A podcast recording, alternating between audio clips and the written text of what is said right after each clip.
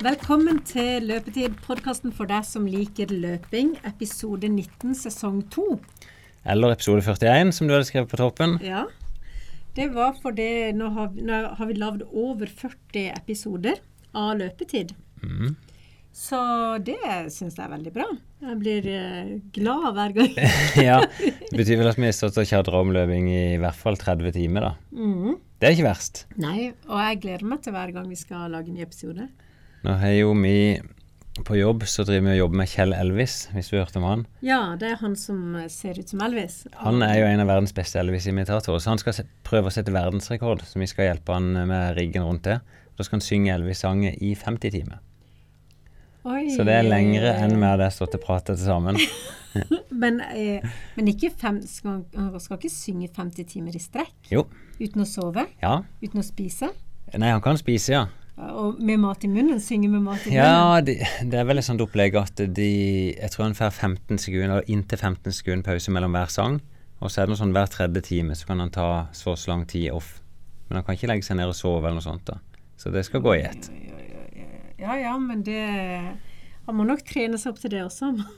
Definitivt. Han har jo akkurat tatt svart belte i karate. Oi. Så jeg er imponert. Ja, veldig imponerende. Men her er det verken svart belte eller 50 timers synging. Men du har jo en god nyhet å komme med. Ja, eh, jeg fikk mail nå fra New York Marathon at jeg var tatt inn i dette Sub Elite-programmet. Ja, Så det var en stor dag. Det var, det var høylytt jubel hjemme. så bra. Eh, dette er mitt fjerde New York Marathon, og eh, alle de andre årene har jeg jo tatt denne ruta inn med T-bane og båt og buss og gange. Og stått eh, egentlig, Jeg kaller det jo som kveg da, hvis jeg er ute på denne Staten Island og venter på starten. Og eh, noen av årene er jo fryst med skarv i hæl nesten før start. Ikke fått varma opp. Du stender jo bare som sild i tønne og venter. Blant eh, 51 000 andre. Men så er det dette Sub Elite-programmet. Da er det du har eliteløperne, som er, sier at det er 10-20 som regel afrikanere, men kanskje en eller annen hvit mann. Så er det sub-elite, som er inntil 50 løpere som har løpt under 2,35. Så der kan du søke om å få plass. Men de følger eliteløperne. Så halv seks eh, på morgenen da, natt til 4. november, så skal jeg møte en eller annen plass på Manhattan. Og da blir det rigga opp med masse politifolk, altså politi, motorsykler og biler, som kjører bare nedover Manhattan, blålys, og sperrer alle kryss, og rett ut på øya og kjøres inn i et telt, oppvarma telt. Med det, jeg vet ikke om det er rød løper der, det håper jeg. Og så kan vi òg da varme opp med tøyet på foran alle løperne som står og venter. Så det gleder jeg meg til. Ja. Og det skal jeg selvfølgelig ta med løpetid innpå og prøve å dokumentere så godt jeg kan. Ja. Så det blir stor stas. Jeg vet Hvor mye forskjell det vil ha å se på sluttida, det vet jeg ikke. Men det ligger da et visst press på meg fra arrangøren, for jeg var jo nøye vurdert under loopen her om jeg var god nok. Ja, det er jo veldig gøy, for det er sånn som i fjor, da, da før dere skulle til New York, så var det sånn om denne her eh, Nesten som sånn der eh, kulturelle liksom dypdykket. Og ta Ja. denne turen, og du fikk sett ditten og datten. Veldig spennende med mye kroppslukt. Og, og nå er det Ja. bare sånn Å, nei! Det, ja, jeg vil tippe det er litt annen atmosfære på denne bussen. Eh, dette er nok jeg vet ikke om jeg skal si de mest seriøse løperne. Jeg har litt sånn forventning til det.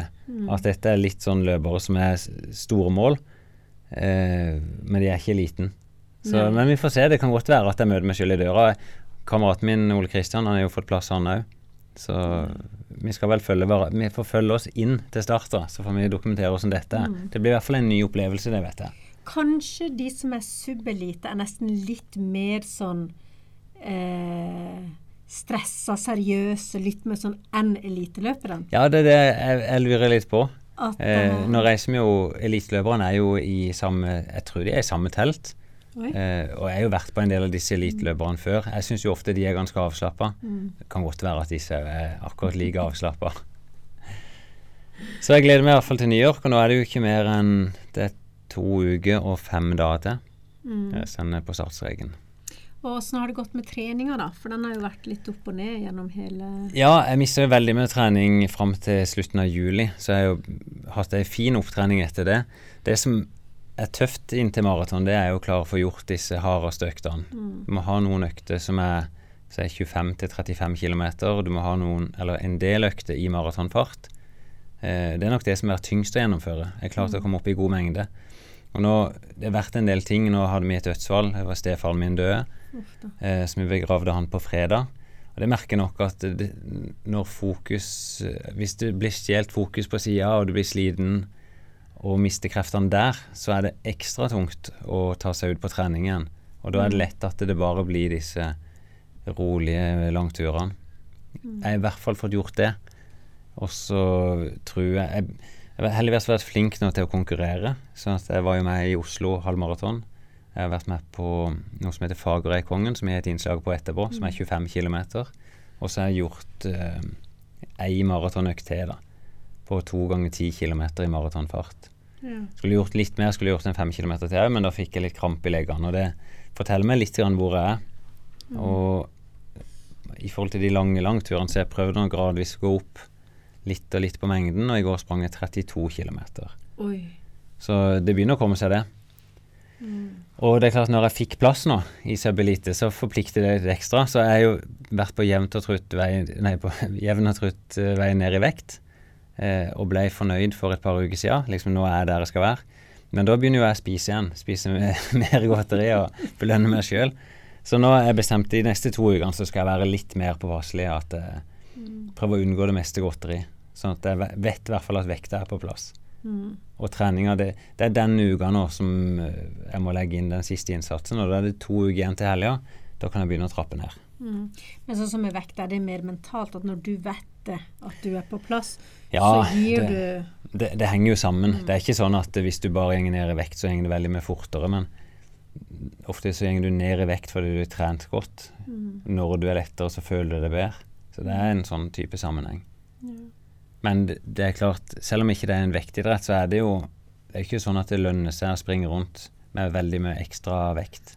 Nei, det vet jeg. Ja, så, så det blir, Men det blir jo en sånn avveining hvor langt er du villig til å gå. Eh, og jeg driver det på ingen måte ekstremt. Det ser du. Det er ikke sånn at jeg er avmagra. Det er fortsatt litt å gå på. Jeg kommer nok til å være en av de mer godt utrusta når jeg skal stå på startstreken i dette sub-elite-feltet, i hvert fall. Ja, men eh, de som løper eh, veldig, veldig mye i det nivået der, det ser ut som de ikke gjør noen ting annet enn å løpe. det er sant. De er jo veldig tynne. Så det er godt at ikke du er så tynn. Ja, det er bra. Men eh, det er jo eh, veldig mange løp nå på høsten. Det er jo nesten hver helg og i uka. og Ja, jeg, Man skal jo løpe for alt for tida.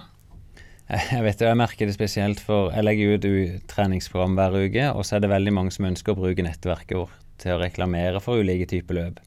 Så de er litt sånn Å, kan ikke du legge ut informasjon om løpet vårt? Eh, og jeg føler jo av og til at det drukner i disse alternativene. For du har jo En ting er jo alle gateløpene som er.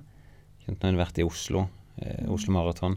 Det kommer mm, hytteplanmila, som er Norges raskeste 10 km, kanskje. I hvert fall der de, de fleste springer fort. Men så er det terrengløp. Masse terrengløp eh, rundt i hele landet. Også alle skogsløpene. Mm. Eh, og, ja, og alle mulige karuseller som gjenger. Så i hvert fall her på Sørlandet så vil jeg nok si at du kan konkurrere både to og tre ganger i uka hvis du vil. Ja. Så om det er for mye, det vet jeg ikke, men det kan nok gå utover deltakelsen for noen av disse løpene. Men er det noe Hvorfor er det så mange som finner ut at de skal arrangere et løp for sånn eh, vedledighet, eller for Hva, hva Jeg bodde jo et år i, i Uruguay, og da var det sånn fem kilometer for hva som helst. Ja. Du skulle løpe fem kilometer. Og hva er det, er det en business? Er det fordi det er lett å gjennomføre? Er det fordi liksom sånn, hva, hva er det som tenner folk til å si at dette kan vi løpe for? Ja, det kan du si. Det er jo ikke fra det jeg kom fra. Jeg er jo fra friidretten og løping for løpinga sin del. Så jeg er nok litt frista til å si at det er nok mange som ser en viss business i dette. At det å hekte et type arrangement på en god sak, at det kan gi noe tilbake.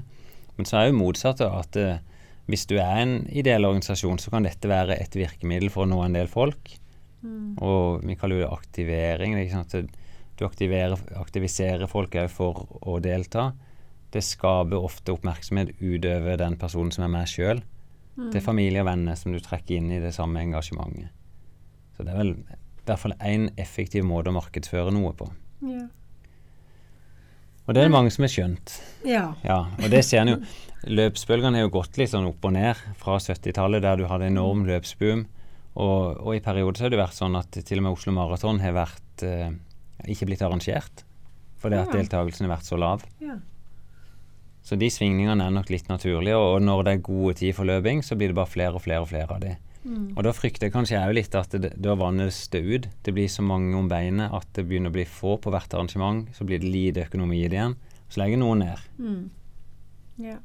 Og det er jo litt sånn jeg tenker f.eks. sommerløpet, at jeg ønsker at det skal være så stort at det blir en sånn bjellesau at selv om det skal bli en tung tid for løperne generelt, så kan det i hvert fall samles om noen av disse få. Kan det være et sånn som for eh, mosjonister sånn, å velge ut på en måte sine løp, og ha noen faste som du Og ikke la deg på en måte forstyrre av alle mulige andre, eller mener du at man skal bare kjøre på og løpe så mye som mulig? Nei, da er det nok så enkelt at en må velge det som er gøy. Mm. Eh, Jeg tror ikke en skal si at en bare skal springe de samme faste, selv om noen er jo veldig begeistra for det. Og det, det er for så vidt et godt poeng. Vi kan gå inn i den saken om Fagerheikongen. Det er et løp som arrangeres borte i Tvedestrand. Eh, og det ville vært arrangert eller på nesten 40 år nå på rad. Og da hadde jeg med en som heter Willy Haugen, og han er litt over 80 år. Og var med på sitt Si det en gang til. Jeg hadde med en som heter Willy Haugen, eh, som er løper. Eh, når jeg var ung, da, var 18-19 år her på Sørlandet, da sprang jeg og konkurrerte med han. Nå er han blitt litt over 80, og han sprang òg denne Fagerøykongen. Men han er så heldig nå, da, at eh, Fagerøykongen er 25 km. Men når du passerer 75 år, da, du, da kan du springe juniorløypa som bare er 15. Ok. Og det er imponerende. Han har dette Fagerøykongen som sitt løp. Han føler han skuffer arrangøren litt hvis ikke han stiller opp. Så det er det eneste løpet han nå deltar på hvert år, sånn fast. Det, det er kjempeimponert. Jeg Mm. klarer nesten ikke å tenke, for det er 25 km skogsløp. Han har da løpt 15, men det er, det er rått, altså. Ja, det er interessant å høre.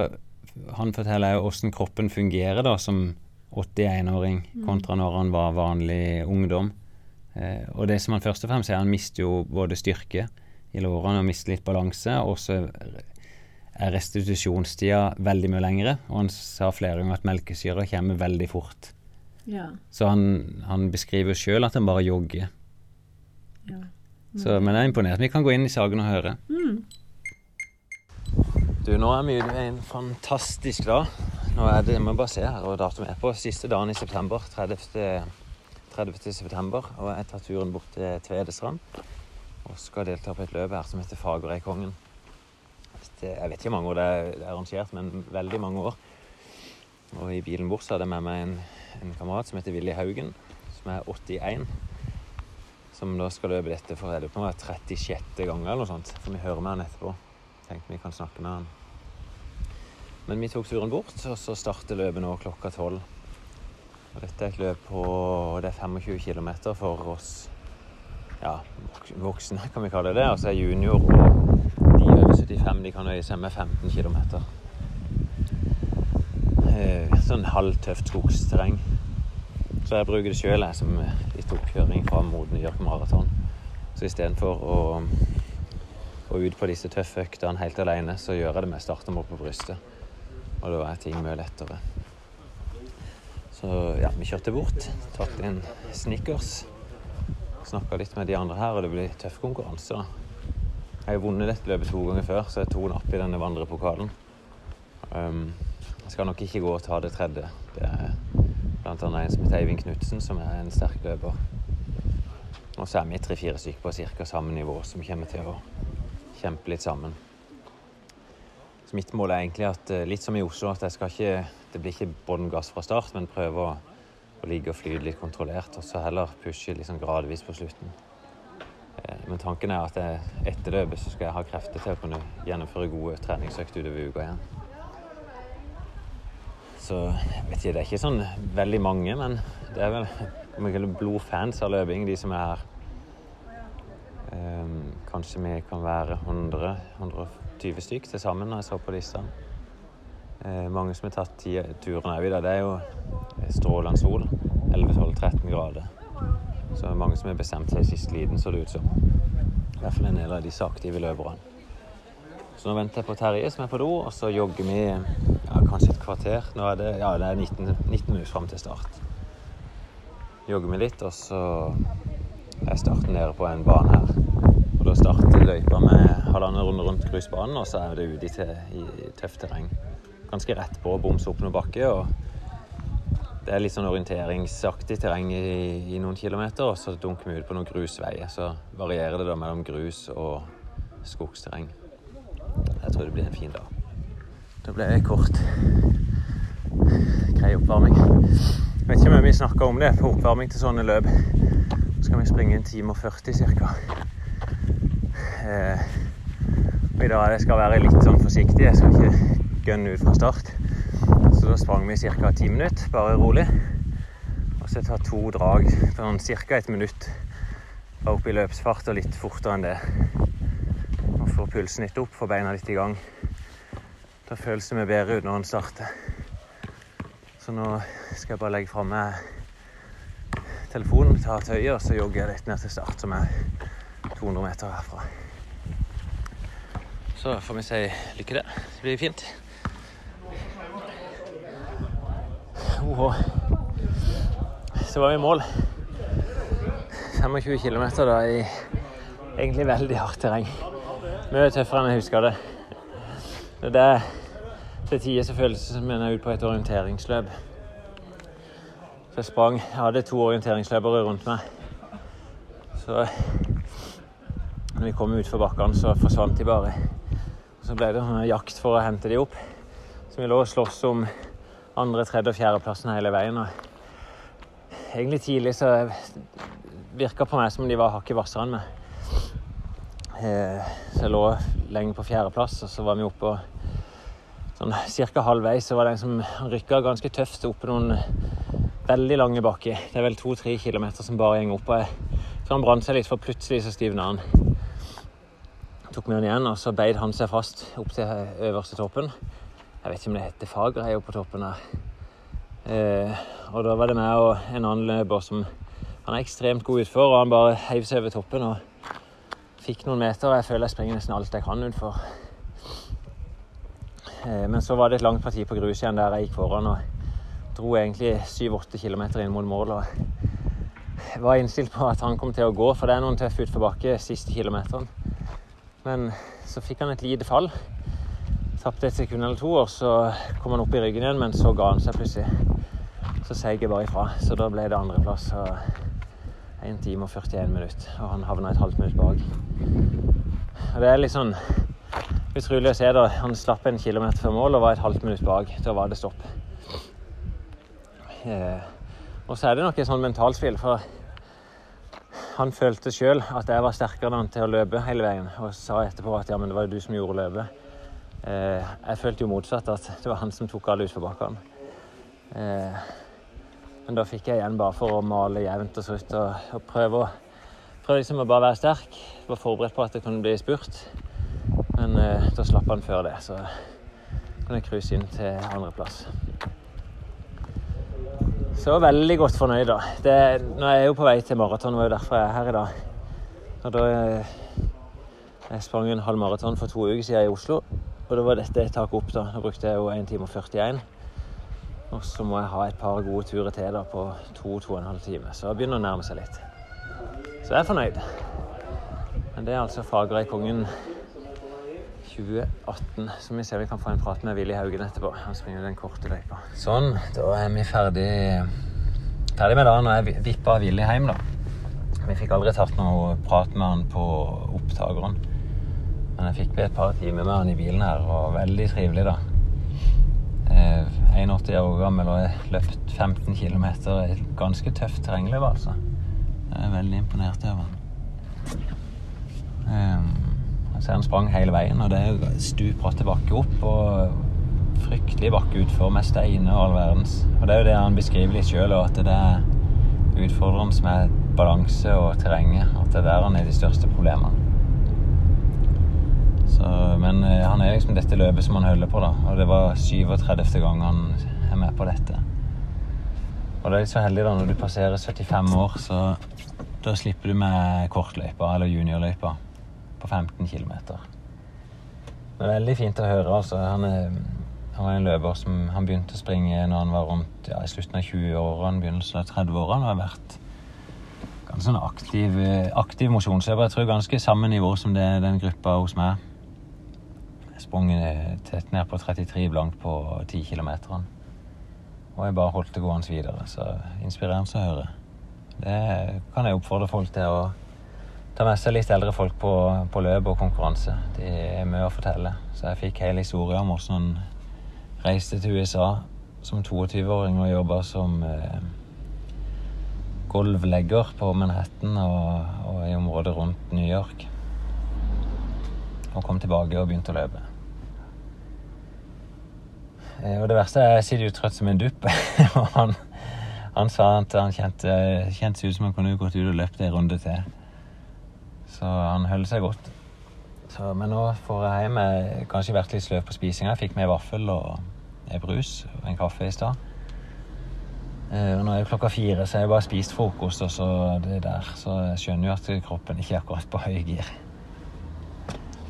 Så jeg får tusle hjem. Så takk for i dag.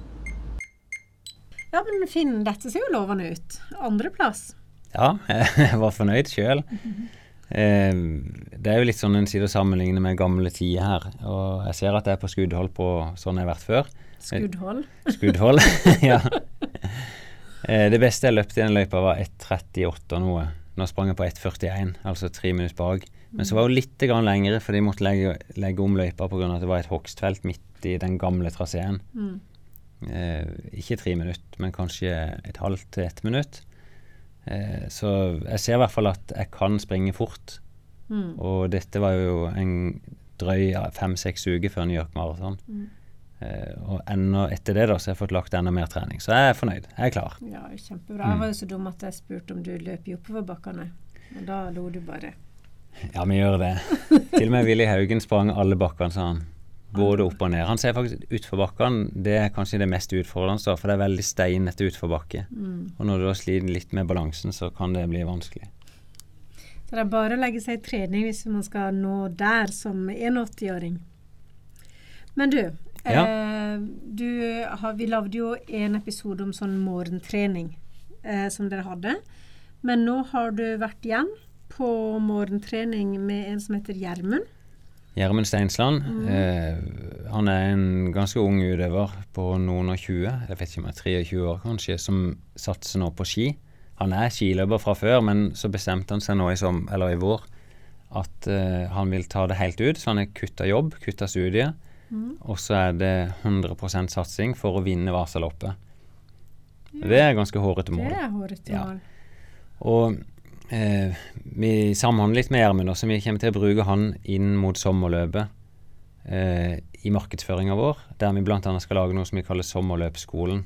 Så vi kommer til å lage minimum én episode på YouTube i måneden. Lage en egen YouTube-kanal der vi og han lager litt sånn ulike treningstips. Ikke så ulikt det med det jeg holder på med på podkasten her. Så vi var ute på en morgentur, og temaet var egentlig dørstokkmila. Og der vi prøver å, å, å, samles litt rundt det. Hva er det som gjør det tungt? Hva er det som skal til for å vinne, overvinne dørstokkmila? Mm. Eh, og da tok jeg med podden bare inn i det samme innslaget, så jeg tenkte ja. vi kunne i hvert fall høre åssen det er en tidlig, tidlig morgen. En ordentlig høstmorgen på Sørlandet der jeg våkna opp til blest og regn. Oi. Og kålmørkt. mm, god morgen, god morgen. Da sitte i bilen på en ruskete mandag morgen. Det er mandag etter høstferien. Jeg har ikke hatt noe høstferie, men da er vi altså på 8. oktober. Og så er jeg avtalt å ut og trene med Gjermund Steinsland. Det er en skiløper her på Sørlandet som eh, Han er med og springer litt, og så jeg hjelper han litt med trening han satser Han er store mål. Han skal vinne Vasaloppet om, om noen år. Og drømmer da om å gå seg inn på et skilag nå denne første sesongen. Så skal vi bruke han òg litt i, i markedsføringa mot sommerløpet neste år. Så vi skal lage noen sånne ja, snutter om løpetips og Den første i dag skal være noe om dørsokkmila. og den får jeg prøve på sjøl i dag. Eh, Det er ikke grytidlig, klokka er syv. Jeg er litt seint ute. Jeg skulle vært hos han akkurat nå, så er det nå syv-åtte minutter igjen å kjøre. Så jeg må ringe han opp. Men øh, jeg har hatt ei veldig tøff treningshelg. da. På lørdag sprang vi sånn eh, helt OK maratonøkta med to ganger ti kilometer. Det skulle egentlig vært en fem kilometer til slutt, som jeg begynte på, men da begynte jeg å få krampe i leggene, så da måtte jeg stoppe. Det viser vel litt, litt hvor jeg er. Så jeg er ikke helt klar ennå. Det er New York Marathon om en måned. Så det er fortsatt litt arbeid å gjøre igjen. Og så sprang jeg 25 km på kvelden i går. Og ja, det kjennes litt, da. 55 mil på de to dagene. Og så bare karre seg opp nå på morgenen. Det koster mer Nei, det, det koster i hvert fall. Så jeg hjemme skal vel ut en kanskje 40 minutter nå. Jeg skal ta ringene, så Jeg vet at jeg har gått litt for sein.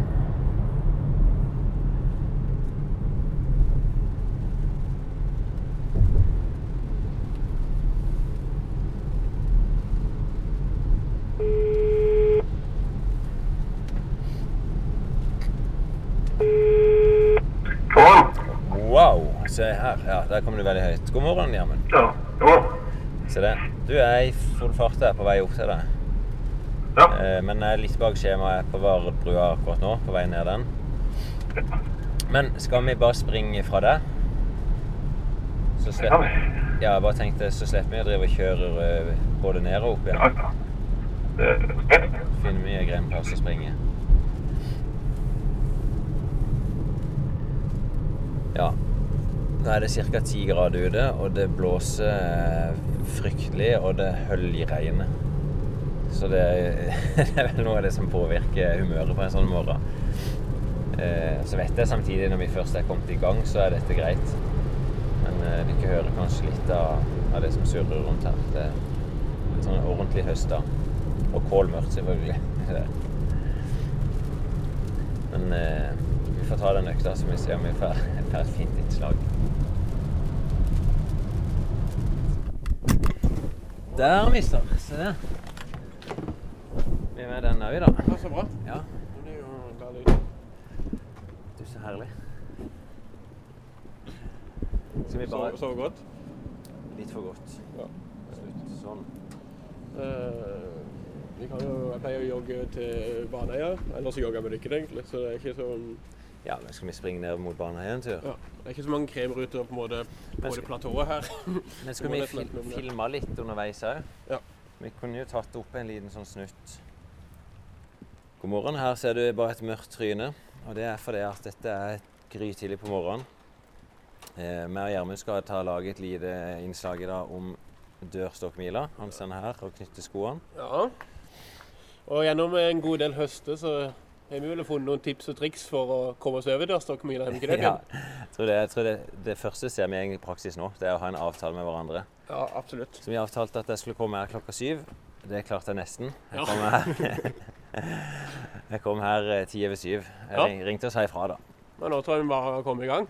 Vi må det. Nå skal vi ut og springe en, egentlig bare en kort tur. Vi har ikke avtalt det lenge, men det viktigste var at vi avtalte at vi skulle ut og springe. Ja. Så vi sprang i 20 minutter med og Gjermund. Så kan vi ha et lite innslag på tuppen av byen her på en sånn gammel brannpost. Der sto de fram til 1900-tallet og speida ute ved byen for å varsle eventuelt brann. På toppen av kvadraturen. Der ser.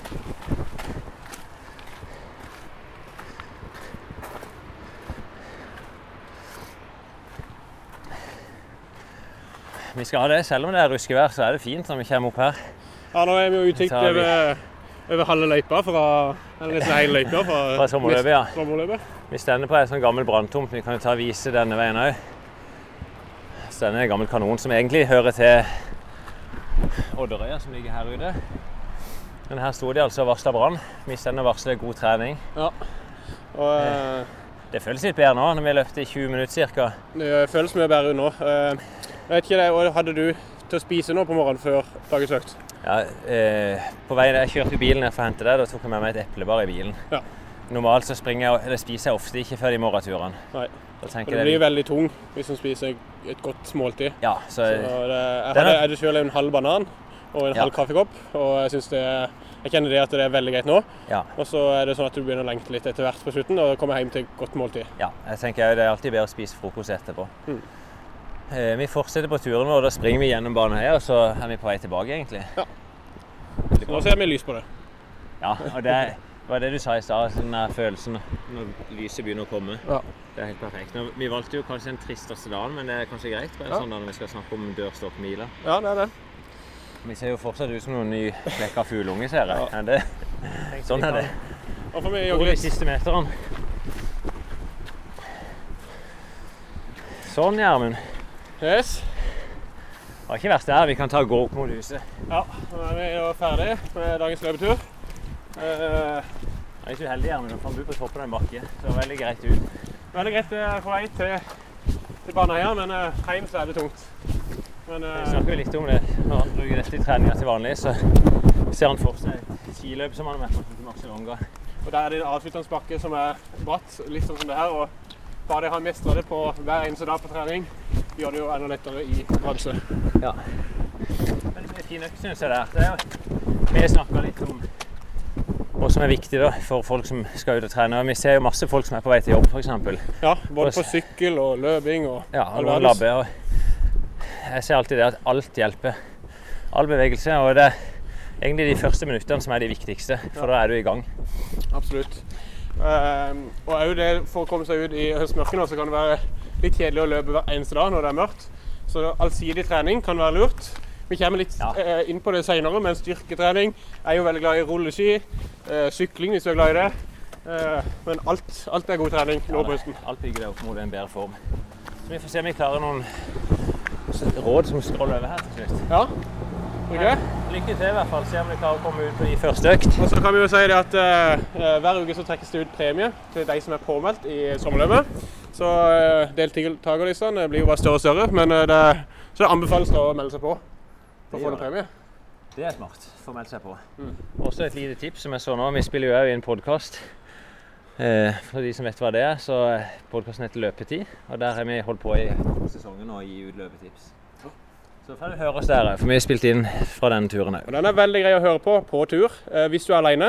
Eh, så er vi jo, eh, vi, er jo vi råder jo folk til å, hvis de, hvis, de kan komme, hvis de kan komme seg ut på tur pga. de hører på musikk eller podkast, så gjør det. Ja.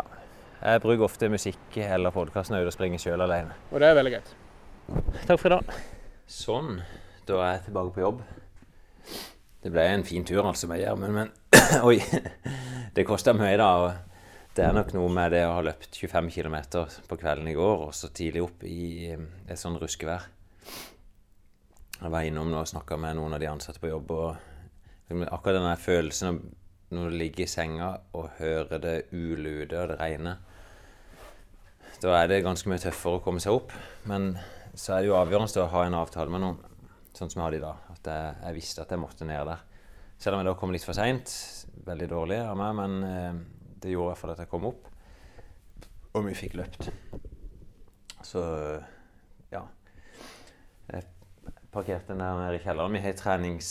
eller dusj og et sånt treningsrom her. Eh, det jeg prøver å gjøre er jo av og til etter en sånn morgenøkt, er noe helt enkel styrke. Det kan være bare noen få øvelser for magen og rumpa. Er hofte som kan gjøre litt vondt. Eh, det er ikke mange øvelsene jeg gjør, men kanskje tre-fire minutter, så hjelper det masse. Men nå skal vi ha et møte på jobb halv ni. Så det er litt seint ute. Klokka er kvart over åtte. Det er jo veldig bra med trening at det er så deilig når du er ferdig. Uansett ja. hvor ille det har vært når du begynner. Spesielt de små røktene så er det nok litt sånn at det er egentlig best når du er ferdig. Ja. Det er i hvert fall det aller verste punkt, eller, tids, eller punktet ja, i den treningsøkta. Det er mens du ligger i senga og du fortsatt har valget om du skal stå opp eller ikke. Ja, for idet du har stått opp, så er det liksom du, Det er ikke noe idé å gå og legge seg Nei, da er det greit. Ja. Så det handler jo bare det om å komme seg opp av senga. Og det er bare ett godt råd, og det er å ha gjort en avtale med noen. Ja. Og da er det viktig å overholde den overfor hverandre. For hvis du begynner å slurve at det er greit å ikke møte opp, så er han jo tapt igjen. Ja. Mm. Så det, men det er lurt å ha noen å, å tre, treningsavtaler. Det er alltid lurt. Ja. Så var det jo en helt annen type høstdag nå på Ja. søndag. Absolutt. Det var en fantastisk fin dag. Så var vi nede på, på Bystranda og arrangerte noe som heter Rosa sløyfe-løpet. Dette er Runners World, eller et av søsterselskapene som heter Springtime eh, Event. De arrangerer en rekke sånne løp. Eh, Rosa sløyfe, da, fokus på kreftsaken, så det er jo samarbeid med Kreftforeninga. Så er, arrangerer de dette i åtte byer, deriblant i Kristiansand. Og da er det meg som er leder for det løpet her nede. Så da hadde vi samla en gjeng, ja, 20-30 stykker fra løpeklubben som sto som arrangør. Og så kom de ned fra Springtime da med bare en rigg fullt av telt og rosa effekter. og fra klokka ti der vi sto og rigga en tom bystranda, to timer etterpå så sto det 1000 damer og hoppa. Eller når jeg sier dame, 1000 damer og noen få menn eh, sto og varma opp. Og forsvant ut på en 3 km og en 5,5 km som vi hadde lagd. Og det var veldig rosa.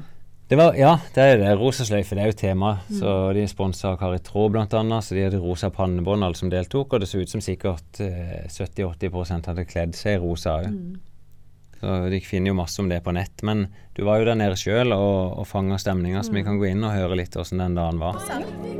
Ja, jeg står klar. Vi skal arrangere løp nå for ca. 1000 damer. Nei, det er ikke damer. Det er jo for både menn og damer. Men påfallende mange damer. Eh, de har akkurat stått og varma opp foran oss. Det er jo spesielt å stå i front her og se alle varme opp rett imot hverandre. og her ser jeg bare damer, men det er kanskje 10 menn og, og resten damer. Men dette løpet er jo, det er et løp til støtte for eh, Kreftsaken og Kreftforeninga. Så det er et sånn eh, Det gjenger langs hele kysten fra Bergen rundt hele sørlandskysten opp til Oslo. Så det er vel åtte ulike løpsarrangement som dette. Så det er Rønners World arrangerer sammen med Kreftforeninga, og så bruker de lokale arrangører sånn som oss. da. Så løpeklubben er ansvarlig for alt det praktiske. Så de kommer bare med en rigg i dag morges, og så rigger vi dette klart for dem. Men eh, hva vil det si å ha et sånt dette? Eh, både for organisasjonen for Kreftforeningen, men også for liksom sånn det mosjonsmiljøet som du er opptatt av. Ja, det er, sånn det funker i hvert fall pengemessig, er at det er 200 kroner fra startkontingenten går rett til Kreftforeninga. Så det er det bidraget. I tillegg så oppfordrer jo folk til å, å lage egne aksjoner og samle inn penger. Ehm, for løpsmiljøet, da, hvis du ser på dette, så dette er jo tiltak som senker dørstokkmila. Altså det å stille opp på et arrangement med startnummer på.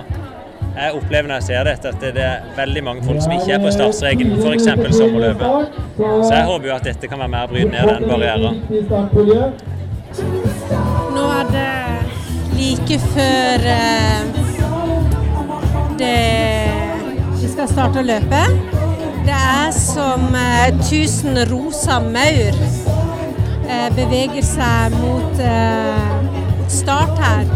Eh, I Kristiansand nesten på sitt fineste.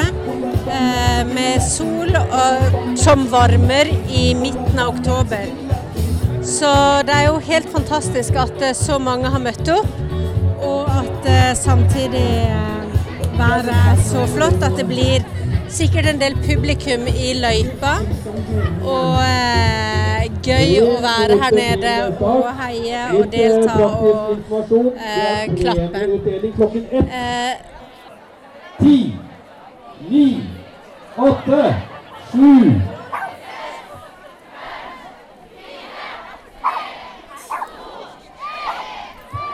Ja,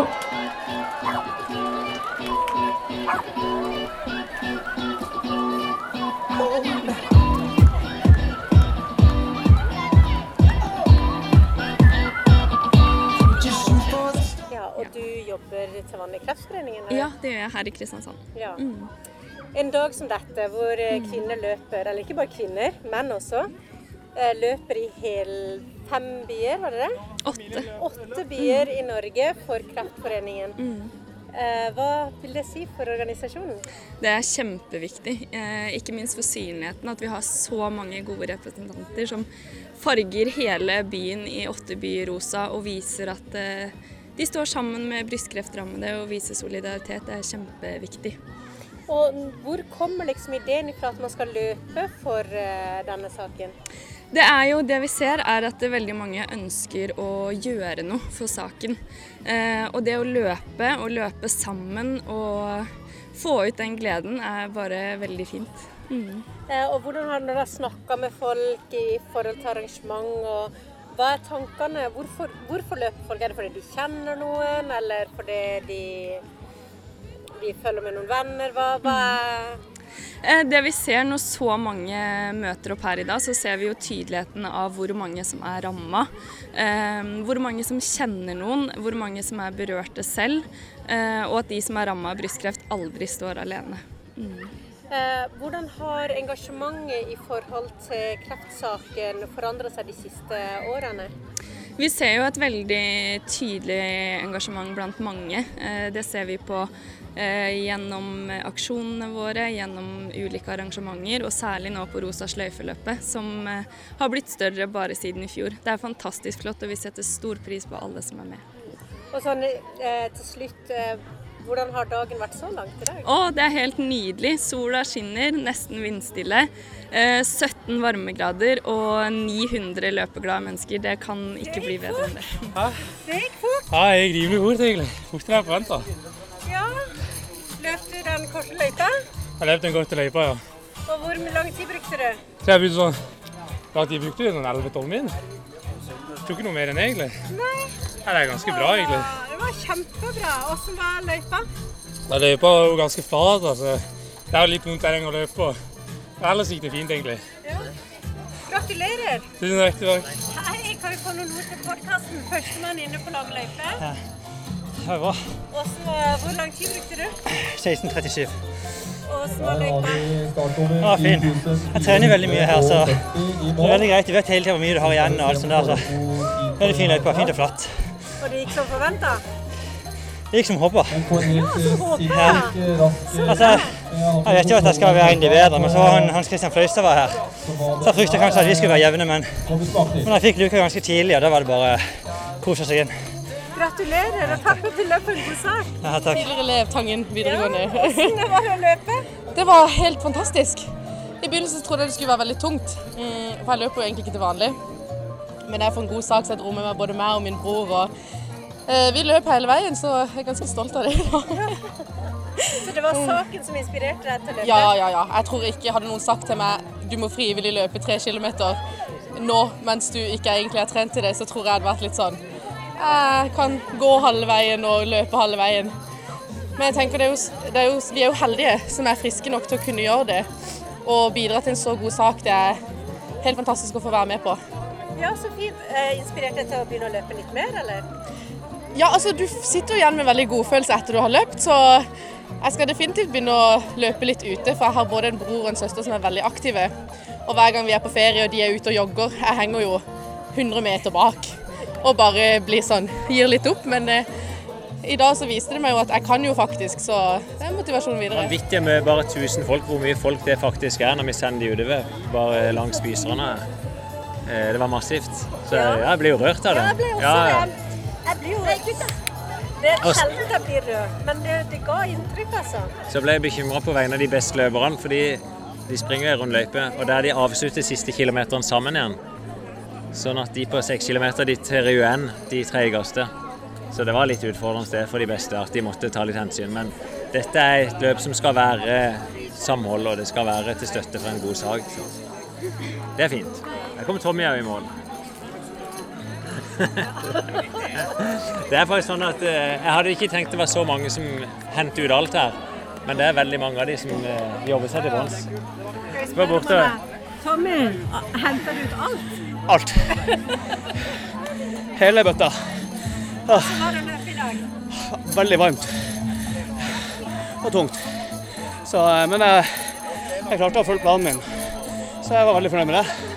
Når du sier da? hva betyr eh, planen? Under eh, 4,45 i snitt.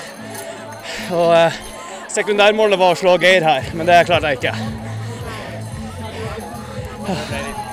Jeg vet ikke, jeg hadde 25,06, og du hadde 40 sekunder. Men det var veldig bra løft, og det var jo kult å stille opp her. Så Må det? du er omkring av Det er helt deilig. Det er fantastisk. Dette er jo en aksjon jeg kan stå for. Veldig, veldig bra. Hepp, hepp. Nei, men vi kan være fornøyd med dette. Joakim har gjort en god jobb. Har vært, ja, Du har sykla rundt. Jeg har sykla rundt. Eh, da. Vi, vi hadde jo en stafett i går, oljestafetten i Kristiansand, med sånn oktoberfest etterpå. Så jeg var jo skikkelig hardt utpå. Og normalt sett ville jeg ligget og sutta på tommelen på sofaen klokka ni på morgenen. Men da var det opp klokka ni og rigge løype og være løypeansvarlig, så en viktig oppgave. Så Men nå er det jo deilig når bakfylla er over, og flott arrangement. Og jeg må si det, Finn. Det var ble bra veldig levert. Det er veldig bra. Det er jo nå stemninga begynner å komme tilbake i. Men det var veldig rart. Når alle hadde gått ut, og jeg kom tilbake igjen her, så var det tomt. og sto det fire funksjonærer igjen her inne. Det var helt dødt. Ja, ja. Men eh, hvordan går det med din løping, da, Joakim? Du, den er kjempebra. Det er neste helg jeg skal løpe på 31,59, vet du. Det som jeg svikta på i sommer. Og nå er jeg i god rute. Nå vet jeg jeg kommer til å Kan vi få snakke med deg i forkant eller i etterkant? av det? ikke bli etterkant. Vi gikk jo ikke å snakke i forkant sist. Ja, men jeg fikk veldig bekreftelse i går. Jeg løp et løp da, og da leverte jeg kjempebra. Så jeg, jeg tror jeg er der nå, altså. Jeg tror nesten jeg har din margin òg. Men uh, du må i hvert fall ha lykke til. Men kan vi gjøre en avtale, da? At vi har deg med neste Ja. gang? Enten så kan dere le rått av meg, eller så kan dere skryte uhemma meg. Blir du rørt av å se på løpet? Akkurat da alle da det var sånn der helt sånn fantastisk sol og det var en sånn der drømmehøstvær, Ja. og du så en sånn Idet de forsvant ut, ja. Akkurat der, da sto jeg på De kom ut etter 70-80 meter ut langs bystranda, og så fulgte ut langs noe som heter Tangen. Da var det veldig fint. Du ser liksom eliteløperen forsvinne veldig fort, og så kommer det bare en sånn bølge, nesten, som kommer seilende utover av rosa damer som smiler, og det virker som folk har det veldig bra. Og det var en supergod stemning. Og, og folk var Det var hunder med rosa sløyfer, og det var barn med rosa sløyfer. Mm. Så det var en veldig sånn derre eh, Hyggeløp, da. Ordentlig mosjonistløp. Ja. Det var det. Ja, da, jeg syns det er gøy at vi får til sånne type løp òg. At ikke det bare handler om å springe fortest mulig. Jeg var jo, For noen uker siden så var jeg jo nede på et annet type løp. Ikke i samme kategori. Dette var et hinderløp som òg begynner å komme flere og flere av de arrangementene der. Dette var noe som het uh, Fisherman Strongman Run. Som er ti kilometer eh, Jeg vet ikke de kaller det, om de kaller det hinderløp eller terrengløp. Det er en sånn fin miks, da. Tasjantikken. Nei, det, de, der hadde de vel 600-700 løpere på startstreken som, eh, med fellesstart. Og så springer de jeg lurer på det var gjennom 30-35 hinder som de hadde satt opp. Så jeg reiste ned, da. Hun ene dattera mi deltok, og jeg hadde med ei datter sjøl i bilen. Eh, og, og fikk med meg litt av stemninga. Så tenkte det kan være litt artig å høre for folk. Og for meg så var det interessant å se hvordan et sånt arrangement funker. Ja. Det er så mye òg, da, at eh, det handler ikke om å vinne. Det, det var noen som vant, eh, og de er jo selvfølgelig opptatt av det, men jeg tror det var tre-fire stykker som var opptatt av å springe fort sjøl, ellers var folk ute bare for å ha det gøy og ha ei gøyal utfordring den dagen. Ja, så det er ikke, det er ikke Så- sånn at folk dytter hverandre Jo, det var sånn, det var teamwork, og det handler litt om å komme gjennom løypa fort. De skulle øve hinder, de skulle vasse. Eh, de bar dekk. Eh, de ble jo dratt opp og ned i, i ganske hardt terreng. Men det var veldig mange som gjorde det som vennegjenger, bedrifter, altså som lag. Og ofte så er det du trekker med det svakeste ledd. Nå traff jeg han er inne på jobb, en som heter Alf. Eh, han gikk eller gikk, det var kanskje for lenge sagt. Han løp med et lag for Rema. Jeg traff han på det høyeste punktet og, og sa, sa det åpenbart at ikke du tar ut alt. Så sier han nei, eh, det viktigste er laget. Eh, og så sier jeg hvor mange er det ikke? Ja, de var åtte. Så sier jeg dere er bare syv her. Ja, sistemann er i bunnen av bakken. Han klarer ikke å holde følge. så Ja. Så den store delen av laget var viktig, men ikke dårligste mann. Så han forlot de på veien opp. Men det er jo aldri noe gøy å være dårligste mann på et sånt lag. Nei. Da er det gøy å være best. Men vi kan inn og høre litt og fange litt av den stemninga der. Se der, da sitter vi i bilen lørdag 22.9. med dattera mi Synne på vei ned eh, for å se på et helt spesielt eh, løpskonsept. Dette er noe som heter Fisherman Strongman Run. Som visstnok skal være et av verdens største hinderløpskonsept. Eh, ja, det er et løp som de starta opp dette i fjor. Kanskje kan minne litt om dette jenteløpet vi har hatt, Dirty Girls. Bare her er det titagging, og det er lag jeg skjønte er i fokus. Eh, så nå reiser jeg i hvert fall ned for å få sett litt hva det er. Og så tenkte jeg å få litt stemning og ja, få et bedre innblikk i hinderløp. Konseptet i seg sjøl. Jeg har faktisk en datter ei som heter Veslemøy på 21 som skal ned og delta. Hun er jo bitt av denne crossfit-religionen, så det er jo midt i blinken for henne. Sånn som jeg har forstått det, så skal de springe et, eh, ei hinderløype på ca. 10 km.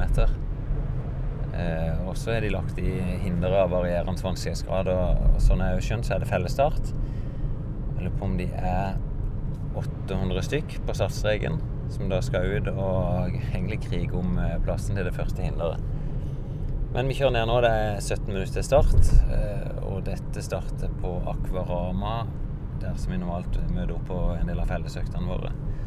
Så får vi se om vi kan dra med oss.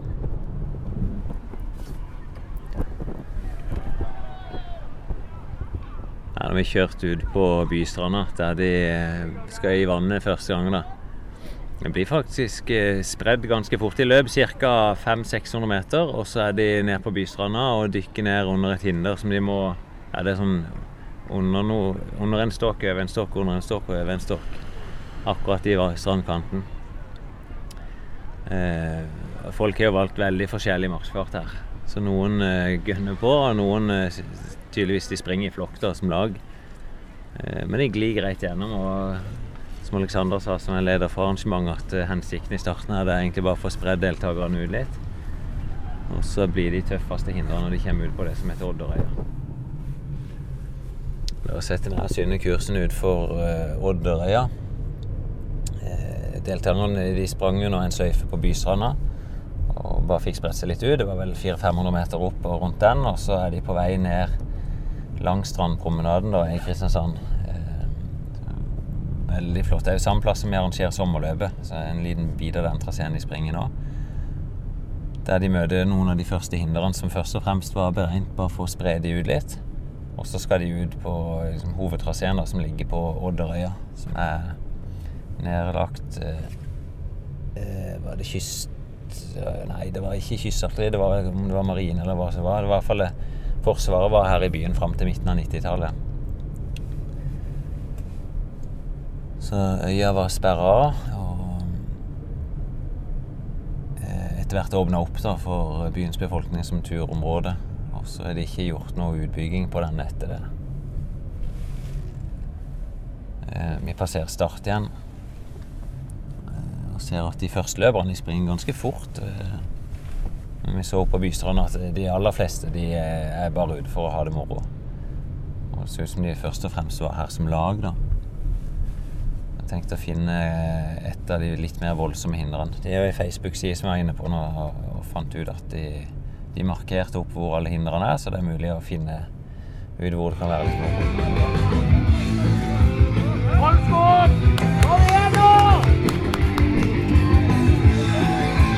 Skal vi se, vi har fått med Alf Helge. Du er på toppen av Odderøya. Hvordan føles dette? Det var et utrolig gøy arrangement. Tommel opp. Det var utrolig gøy. Men nå går du bare på et eh, dekk. Vi er et lag. Og det er sistemann. eh, Alle skal i mål, så vi strever med sistemann, men eh, dette var et gøy arrangement. Ja, Det ser ut som du springer i regi av eh, Rema. Vi er 10 Frode! Rema! Kjøp en vår i byen. Ja, dere er et kjøpmannslag. Ja. Ja, Men ikke er bare kompiser da, som springer rundt sammen? Vi er en eh, kompisgjeng som eh, bestemte det her. Da var vi 14. To glass vin for mye, så vi endte opp med å bli syv. Men eh, dette må folk være med på. Det her var gøy. Nå lar vi bare gjennom her med de. De springer med noen dekk. Men det virker som det er lave skuldre, og det er ikke veldig hast for dere. Nei, eh, det er jo sånn eh, Hvis du intervjuer han som er sist av oss, så vil han ikke svare det samme. Er det han som er bak det? Nei. Nei. Så det Du bestemmer selv hvor hardt det skal være. Ja. Men uh, Men ikke prøver å holde rimelig samla? Ja, vi gjør det. Men han eh, siste lurer på om vi om, om røyk. Det er ikke så nøye etter hvert, er det sånn? Nei, men han, uh, han ville ikke være med mer. Nei, stemmer. Du må ha god tur videre. Ja, det skal vi ha. Da er vi kommet tilbake i mål, og nå er de første løperne akkurat inne. Da ser jeg Tellef Dønnestad ser ut som var kanskje førstemann. Se det, Tellef. Og Fernando Bravo.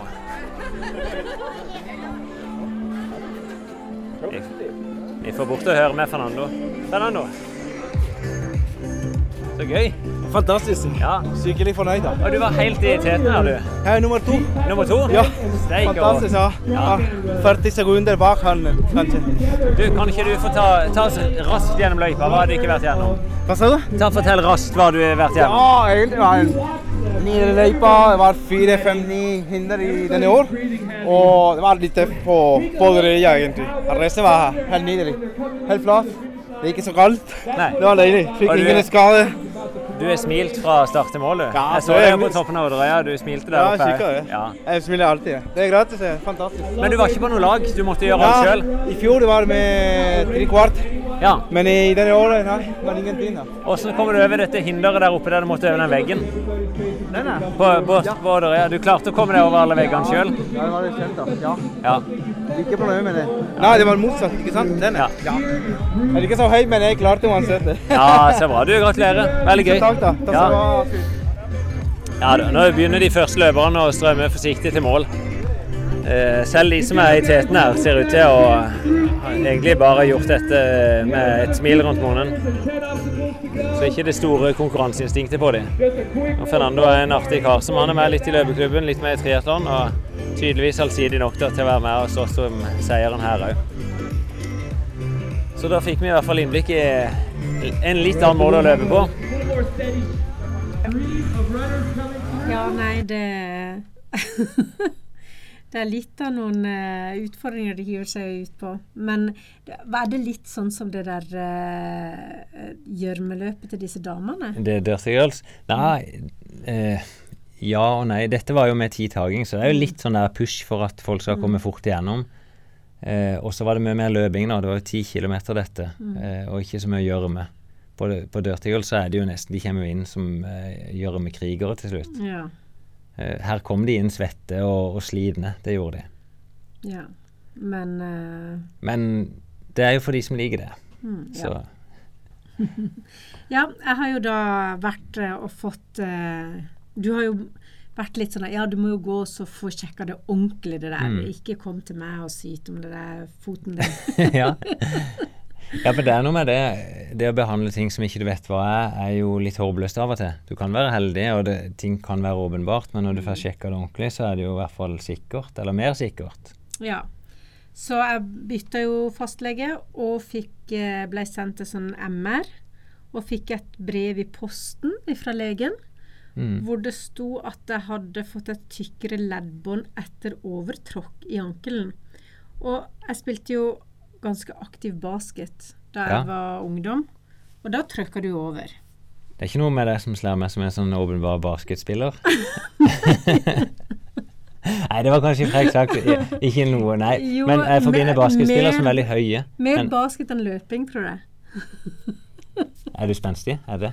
Nei, ikke nå Eller kanskje teknisk Jeg var, jeg var ganske sterk. Ja. Så jeg klarte, Sterk og smidig. Ja, jeg Og god med ball. klarte å, å eh, gjøre noe på banen, da. Men jeg klarte også å trykke over, tydeligvis. Ja, du tenker at eh, det de, de finner jo mye rart når de gjør MR-undersøkelse. Og veldig ofte, hvis de undersøker et kne, så vil de finne skade på kneet, men som Mm. ikke nødvendigvis plagen. Så det, det betyr jo ikke at du plages av det, Nei. for det om de finner at eh, leddbåndene er for tykke. Mm. Så det var det ene de fant. Og så fant de en kronisk akillestendinopati. Ja, jeg måtte jo slå det opp. Altså, jeg vet jo akilles Er det tendonitt de kaller det, som er liksom vanlig akillesbetennelse? Jeg vet ikke akkurat forskjellen på alle begrep her, men når vi slo dette opp, så, så beskrives det nærmest som vondt i akillessena. Mm. Altså før de kaller det betennelse, men det er jo ikke en ordentlig betennelse, det er en irritasjon i sena. Yeah. Eh, og sånn sett ganske åpenbart, men du har i hvert fall fått bekrefta at det er det det er. Det er ikke en avrivning av sena di. Mm. Eh, og ut ifra den diagnosen så vet de mer hva slags type behandling som du kan gjøre. Mm. Og det som sto anbefalt på denne akillestendonopati, det er eksentrisk trening. Det Mm. funker for den type akillesskade. Og det er den der de løfter opp og ned med Ja. vekt. Tung vekt. Ja, typisk. Du begynner nok Mm. innenfor det du tåler, så du er aldri tyngre enn det du klarer sjøl, men stå i ei trapp Mm. der du løfter deg opp med begge føttene, og så slipper du deg ned på én. Altså eksentrisk, at du, muskelen blir lengre og lengre. Ja. Og så løfter du deg opp igjen. Mm. Og så gjør du det kanskje 20 ganger ganger 3. Mm. Og etter hvert som du blir sterkere, så legger du på mer vekt. Typisk opp i en ransel. Ja. Veldig Ja. gøy trening. Og tre til seks måneder. To ganger om dagen. Det er jo drepende. Men det handler jo kanskje om å gjøre dette praktisk, da, om det er når du pusser tennene eller på vei ut for å kle deg. At du, du bare legger det inn veldig kort. Mm. Det er ikke noe som trenger å ta mer enn ett minutt. Men det er jo lettere når du vet at det er det. Ja, for da kan du begynne å behandle. For jeg har jo begynt med dette, men så har jeg tenkt å ja, men tenk hvis ikke det er dette, så står jeg bare og kjeder meg to ganger om dagen uten å nytte, liksom. Nå vet du at dette vil Mm. hjelpe. Eh, og så vet vi òg at det, som regel de første to-tre ukene så kan det forverres litt når du begynner med dette. Ja. Men nå da vet du at det, ja, det funker, og da kan du begynne med det. Ja. Jeg så det sto noe om Mortens nevrom. Ja. Det er mellom to av tærne mine. Ja, for du, du er beskrevet at du har vært litt sånn nummen i foten, og jeg har ikke klart å koble det mot det som er Mortens. Eh, det som ofte folk beskriver når de har Mortens, er at det kjennes ut som de har en stein i skoen. Mm. Akkurat ikke mellom tærne, men litt under, altså lenger inn på foten. Eh, og da er det jo Oi. Eh, symptomer Altså, det som skjer, er jo den nerv, nervene som gjenger mellom tærne. Mm. At de er blitt irritert, og så blir det, sånn jeg har forstått da, et, eh, et sånn beskyttelseslag utenpå nerver, men så blir det for tykt, sånn at det irriterer nerver hele tida. Eller lettere at det irriterer nerver når du springer. Ja, for det, når du sier stein, det begynner som en stein, men så er det akkurat som hele foten bare sovner, eller at den prikker, sånn som når foten din har sovnet og skal våkne, da. Ja, jeg vet ikke åssen det er, men uh, Jo, du har, foten din har jo sovna noen ganger. Ja, det sånn som hvis jeg sitter oppå foten min? Ja, Ja, og så, og nå sover foten, og så Ja. begynner det å gjøre sånn «Åh», Ja, akkurat iling. sånn, ja. Sånn. Ja. Under foten, liksom. Eh, Det er jo noe de ofte opererer. Så Ja. nå skal vel du til legen med dette igjen, eller så Mm. var det til fysioterapeuten. Så jeg, til jeg tenker at de skal få lov å Mm. tolke diagnosen og gi deg rett behandling. Men jeg tror jo det, det du har gjort nå, er veldig lurt. Mm. Ja. Så da er jeg i hvert fall i gang med det. Men da blir det jo ikke Svalandsgubben. Det blir nok ikke Svalandsgubben. Det jeg ville nok ikke anbefalt det. Nei. Og det er jo et løp for de tøffeste. Nei, du imponerte veldig med å gjennomføre det i fjor, og det er jo mange som har gitt deg mye kred for akkurat det. Men mitt mål var jo i år å løpe uten deg. Ja, det stemmer. Ja, men det ville jeg lagt på hylla. Mm. Det, og jeg er litt sånn, det handler om å, å ha løpeglede. Da vil jeg at du skal være skadefri, og så heller begynne å bygge deg opp igjen på nytt. Ja. Så det håper jeg at du kan bli kvitt i skader, men det kan nok ta litt tid med akillesbetennelsen din, da. Ja. ja. Så ja, vi har fått noen leserspørsmål. Jeg tenkte vi, vi Mm. kunne gått inn på de. Noen av disse var ganske omfattende, så jeg, det kan godt være vi er litt kort på de nå i dag. Og så får vi heller ta og, og utdype kanskje i neste episode. Mm. Han første han ønsker å være anonym, Mm. eh, men det han spør om, det er når det vil være optimalt å legge inn størst mengde trening før et maraton. Så spør han òg to måneder, tre måneder. Eh, og så sier han at vet at Finn har hatt en litt trøblete vår og sommer med tanke på New York, men hvordan ville din trening vært, om alt var optimalt? Da spør han om intervaller, kilometer i uka, nedtrapping osv. Han her er et mål på 2,45 på et hemmelig sted. Mhm. Eh, ja, så sier han at han ønsker å være anonym. Så det er mange spørsmål inni en, men eh, den største mengden før et maraton Jeg ville sagt liksom de siste ti ukene. Det er et greit utgangspunkt. Da er mengden størst, med unntak av de siste to, for da driver nedtrapping. Ja. Eh, så hvis en begynner med det enkle systemet Og da ser jeg at når du begynner maratontreninga, så må du jo være trent igjen til å tåle det. Mm. Så jeg bruker ofte liksom Hvis jeg skal konkurrere et maraton på høsten, da, så bruker jeg gjennom vinteren bare til å opprettholde normal trening, sånn at jeg er god kan springe en ti kilometer raskt, og så begynner jeg på tidlig sommeren, hvis jeg kan velge, typisk i juni, og bygge opp med litt lengre langturer. Og så blir juli, august, september typisk oppbygging. Da syns jeg er god tid. Da får jeg tre gode måneder med trening, og så et par uker nedtrapping. Og da er det kombinert med disse langturene for å få Ja. kilometer i beina. For- intervall. Ja, jeg har noen prinsipper, da. Det er mest mulig mengde. Mm. Det hjelper veldig bra. Jo flere kilometer du springer i uka, jo mer du tåler det, jo bedre blir resultatet. Og da kan jeg ikke si at Det, kommer bare an på ambisjonen, da. Hvis jeg klarer å springe 15 mil i uka, da vet jeg at da, da vil jeg være i stand til å springe under 2,30. Eh, det er en sikker måte. Ja. Men du kan òg du kan òg klare det med å springe kanskje 10 mil i uka. Men da må du være enda hardere på prioritering av hvilke økter du gjør. Mm. Så med det er liksom nummer én for meg, det er mest mulig mengde. Og så nummer to, så er det mest mulig av den i maratonfart. Men det er en sånn fin balanse, for jo mer du springer i den farta, jo vanskeligere er det å opprettholde den mengden. Mm. Og så til slutt så må du ha de spesifikke øktene. Og jeg har sagt, det blir litt sånn tommelfingerregler, men hvis du klarer å få tre lange langturer, pluss-minus tre mil, og òg tre langturer som er sånn 20-25 km i maratonfart, da begynner du å komme i mål. Mm. Men også har du ingen intervall. Jo, det ligger bare i bånn hele tida. To-tre intervalløkter i uka jevnt og trutt. Mm. Men det er klart, ja. Det blir jo hele tida sånn avveining. For folk spør meg sånn Ja, kan du ikke bare løpe en maraton? Og det kan jeg jo. Men problemet er det at du bruker kanskje to uker på å komme deg igjen. Mm. Så det gjelder jo å ha økter som gjør at du blir Du trener, bryter deg ned, men du er i stand til å få god mengde samtidig. Mm. Så det er litt sånn Jeg hadde den avveininga i går da jeg sprang 3,2 mil om eh, Skal jeg begynne å springe fort på slutten? Det er tre, måned, nei, tre uker igjen til løpet, så da valgte jeg å springe rolig hele den turen. For da vet jeg at da kan jeg legge inn ei hardere to, to, to og en halv mils tur til helga igjen. Men når Så- du løper så lenge på bare trening, Ja. er det aldri i løpet av den tida der du tenker dette er dritkjedelig? Jo, jo. Jeg er veldig Akkurat i den perioden, eller fasen jeg er nå, så er det ofte sånn. Særlig når øktene kommer så tett, for jeg prøver å komme ut på morgenen og på kvelden. Og når du har hatt en tremilstur på kvelden, og så skal du ut på morgenen igjen, da tenker jeg i hvert fall det. Mm. Eh, og før jeg skulle ut i går, så er det jo bånn i bøtta. Det, det er sånn der, eh, Jeg gruer meg til turen. Men så er det ofte sånn når du først er kommet i gang, så er det stort sett greit. Mm. Så av og til bruker jeg musikk, av og til bruker jeg podkast, av og til bruker jeg kamerater. da. Så i går møtte jeg Joakim, da, som folk begynner å bli kjent med. at Han kobla seg på etter ti kilometer. Så sprang vi ti kilometer sammen, og så sprang jeg ti kilometer til. Eller drøyta. Så For jeg blir av og til sånn der eh, Jeg løper liksom fem minutter, og så begynner jeg å tenke at dette var jo Fem minutter, da sliter jeg. Da strever jeg.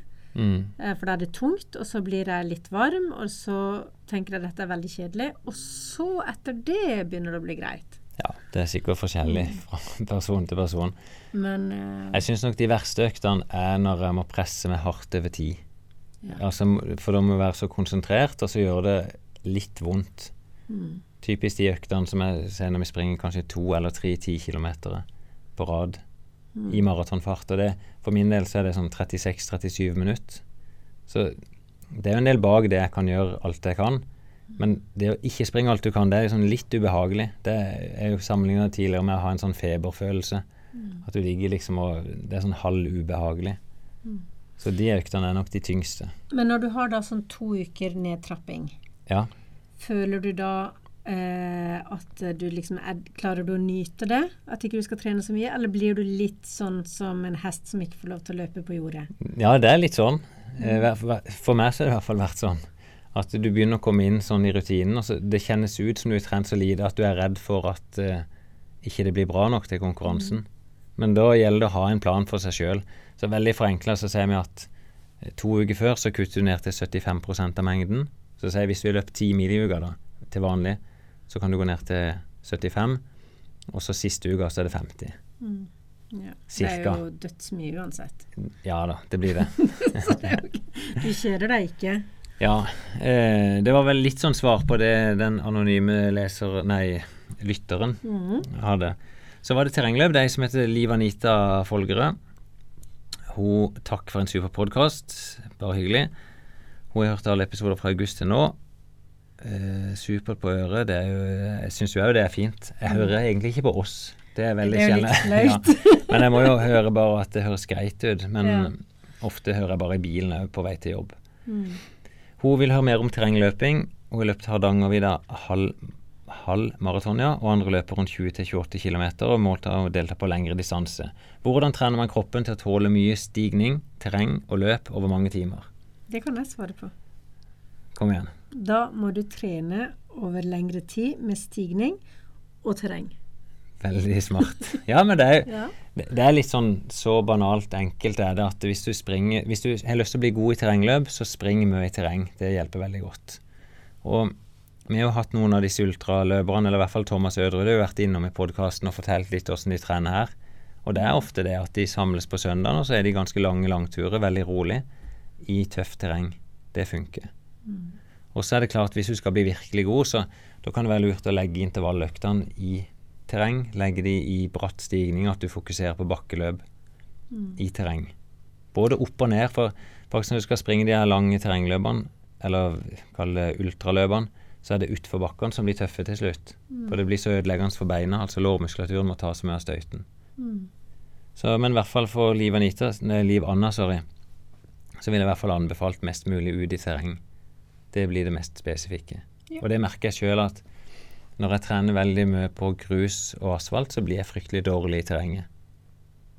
Selv om jeg fortsatt er god, ikke sant, folk vil oppleve at jeg springer fort, så merker jeg det er stor forskjell i forhold til de som trener mye i terreng.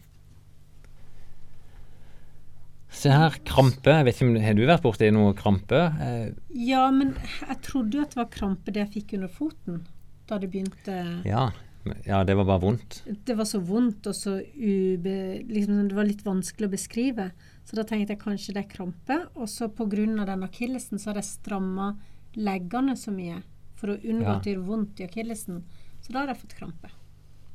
Ja, Men ellers stemmer. så har jeg I hvert fall eh, Rune Langeland han sier sliter med kramper på lengre løpeturer. På Hardangervidda maraton i år var det et stort problem og ekstremt smertefullt. Lårene nærmest låste seg, samtidig som man måtte true seg videre. Og mange som har opplevd det samme problemet.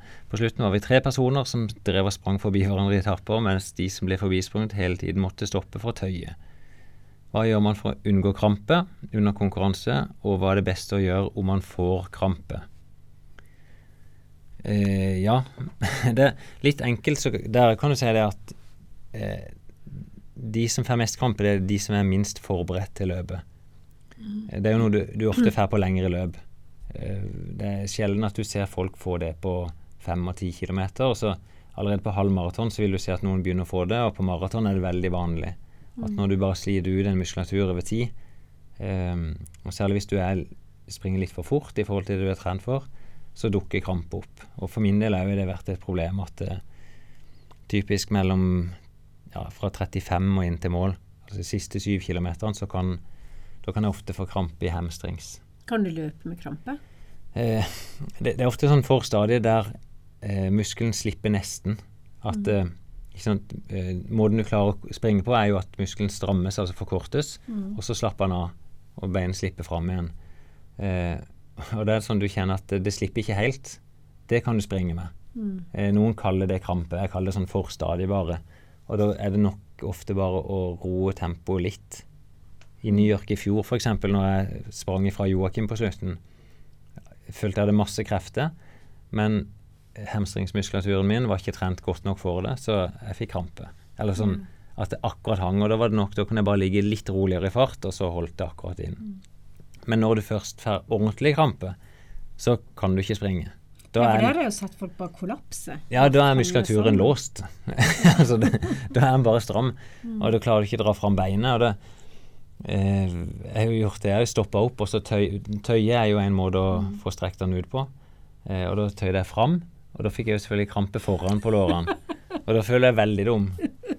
Eh, og føler meg ekstra dum. Da kommer det en mann bort og, og opp innimellom lårene mine. og det, det, det, det renner jo svette ned, og det lukter mye rart nedi der etter hvert.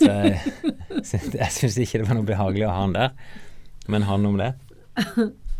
Men det jeg har funnet ut etter hvert, at det å bare gå, altså selv om det er krampe, og så bare tvinge seg i normal gange, det gjør fryktelig vondt, men det slipper opp igjen.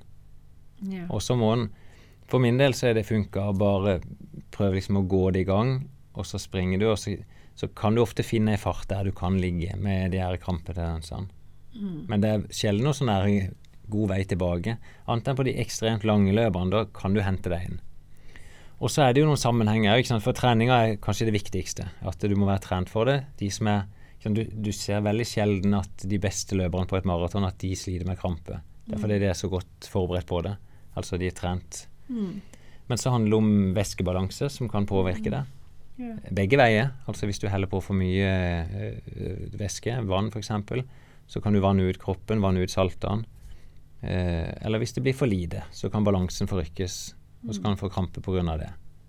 Og så er det jo litt sånn Jeg vet ikke om vi kan kalle det myte, da, men det er mange som sier ja, krampe, du må ta magnesium. Men det hjelper jo da hvis du mangler magnesium, så vil du lettere få krampe. Mm. Og da er litt sånn enkelt at eh, en kan selvfølgelig bare begynne å ta magnesium. Eh, det er ikke skadelig så langt jeg vet i, i små mengder. Men jeg syns det er bedre å gå til legen og sjekke om er det årsaken. Mm. Det er akkurat som med jern. ikke sant? At du tar ikke jerntilskudd uten at du vet at du mangler det. Mm. Så det var vel litt svar på krampe og lengre løpeturer. Ja. Sånn, og det kan ta det òg. Jeg sa jo i stad når jeg sprang to ti kilometer og skulle begynne på en fem kilometer, da begynte jeg å få krampe i legene. Eh, Men da vet jeg at jeg må bare gjøre mer av den type trening. Så vil jeg skyve på det. Ja. Neste gang så vil jeg kanskje ikke få krampe før 25, og så ikke før 30. ja, det gjelder å ha det litt vondt. Ja, eller litt sånn semivondt, da. Ja. Du, det blir et langt program. Ja. Eh, vi skal ta et siste spørsmål, eh, og det er kanskje et spørsmål som vi må tilbake til. For det, det var litt sånn klage på at eh, hun savna at vi ikke fulgte opp noe. Bekkenbunn, lekkasjer og stammer, bakketrening, Imodium. Hilsen Sara Odén Haugen. Hun har hørt alle episodene, lært masse. Og så er jo at det viktigste hun har lært, er å slutte å ta med vann på løpeturer. Mm. For en enorm lettelse å løpe uten at det skvalp, skvalper i hoftebeltet. Det var godt å høre. ja, bra. Savner ikke å drikke lenger. eh, I hvert fall når man springer halvannen til to timer. Føler seg fri, mye proffere uten vann. Så gøy å høre. Så mange takk for å erte mosjonister med vann. jeg sprang faktisk når jeg sprang to og en halv time i går, så hadde jeg heller ikke med meg noe. Men da merker jeg jo på slutten at det, det tærer på. Mm. Så, og da må jeg gjøre en god jobb både før og etterpå med å fylle opp. Men det er greit. Venter i spenning på to temaer det er lov til å ta opp. Problemet med svak bekkenbunn og lekkasjer hos damer, og tips til bakketrening. Det første er viktigst. Tror det er mange som meg som elsker å løpe, men som sliter med lekkasje. Mm. Håper det kan tromme sammen noen som kan snakke om dette temaet. Det, vi har ikke tromma sammen noen. Jeg henvendte meg til ei legevenninne, kan jeg vel kalle det, som ikke var så sugen på å snakke om det. Hun var litt, yeah. men så syntes hun det var litt skummelt likevel. Mm. Jeg kan gjøre en ny henvendelse til henne. Eh, For det, er- det er jo noe som folk sliter med, åpenbart. Ja, og vi må jo finne noen som kan er det, Kan Og- en fysioterapeut snakke om det, tror du? Eller må det være en lege? Det vet jeg ikke. Vi kan prøve ny frisk med at vi skal finne en lege. Jeg tror ikke vi skal bare drive og synse om det. Nei, det vil jeg heller ikke. Så hvis det er Så- noen lyttere der ute som eh, er leger eller kan noe om dette, så hadde det vært fint å få høre fra dere også. For Mm. vi har virkelig prøvd, men eh, det er ikke så mange i vår omgangskrets som kan om det. Ja, og så har du et innspill sjøl. Det var åssen unngå løs mage under maraton. Da skriver at eh, Imodium funker supert. Verdt å prøve. En tablett på morgenen, ta seg til frokost, litt kaffe dobesøk, og du får løpe helt i fred for mage og tarm. Eh, og som jeg tidligere sagt, det kan ta lang tid før magen er i gang igjen, men hun erfarer at det ikke er tilfellet. Eh, så hun anbefaler. Jeg er jo litt mer sånn restriktiv på det at nummer én, du bør ha problemet, og du bør teste sånt ut. Eh, Jeg er ikke noe sånn veldig tilhenger av å ta medisiner uten at en vet Nei. hvorfor en gjør det. Og jeg har utøvere òg som har problemer med mage, som, hvor dette ikke hjelper. Okay. Så, så jeg vil alltid være litt forsiktig med å si at dette er fasit. Mm. Så jeg skal ikke gå god for det sjøl. Men det er verdt det. Det er verdt å prøve hvis du vet at det er vanskelig å skulle løpe et et løp uten å måtte gå på Ja, do. jeg skjønner det. Så er det jo det er veldig slitsomt. Men det er vittig, for akkurat det å se med å gå på do, før, eh, sær- særlig et maraton eller lange løp, eh, så er jo det det er, sånn, det er et eh, høydepunkt hvis du klarer å få det til på morgenen. Det er sånn oss gutter når vi springer maraton, så er det yes, nå, nå fikk, fikk vi det til. Da er liksom check på det store, viktige punktet. Og så er det jo skrekken å stå der før start og lure på om du må på do. Ja, det er jo ikke noe gøy. Og så når du blir sånn Du tåler den første kn mageknipen. Den klarer du liksom Ja. Men når den andre kommer, Ja, og så, De har jo doer på disse maratonløperne, eh, nesten på hver kilometer eller hver andre kilometer, men det er noe med det å måtte stoppe som ikke du har lyst til. Og når vi var i Dubai for noen år siden, da hadde jo en kamerat som var litt rask i svingen på do, og fikk ikke tørka seg ordentlig. Og da var det jo bare noen kilometer, så var han sår i kan vi kalle det rumpehølet, Ja. som gjorde at han brøyd til slutt. Han orka ikke den der svinga i, i fua, som vi sier her på Sørlandet. så det Så ja. Prøv å komme deg på do. Eller prøv. Ja. å komme deg ikke på do, som hun skriver her, da, med Imodium. Hun spør litt om bakkeløp, og kan ikke vi ta det i neste episode? Jo. Mm. Vi burde jo egentlig tatt et bakkeløp. Du har sagt det før. Å ja, vi har kanskje ikke gjort det. Nei. Jeg gjør litt bakkeløp sjøl nå, så jeg kunne tatt uh, gjengen med. Og ja, ta med også på en sånn trening. Mm. Ja, men det kan jeg gjøre. Løpe opp og ned en bakke. Mm. Det kunne jeg gjort sammen med Gjermund. Mm. Så bra innspill. Mm. Takk for nå. Vi Ja. ses før New York, New York Marathon. Ja.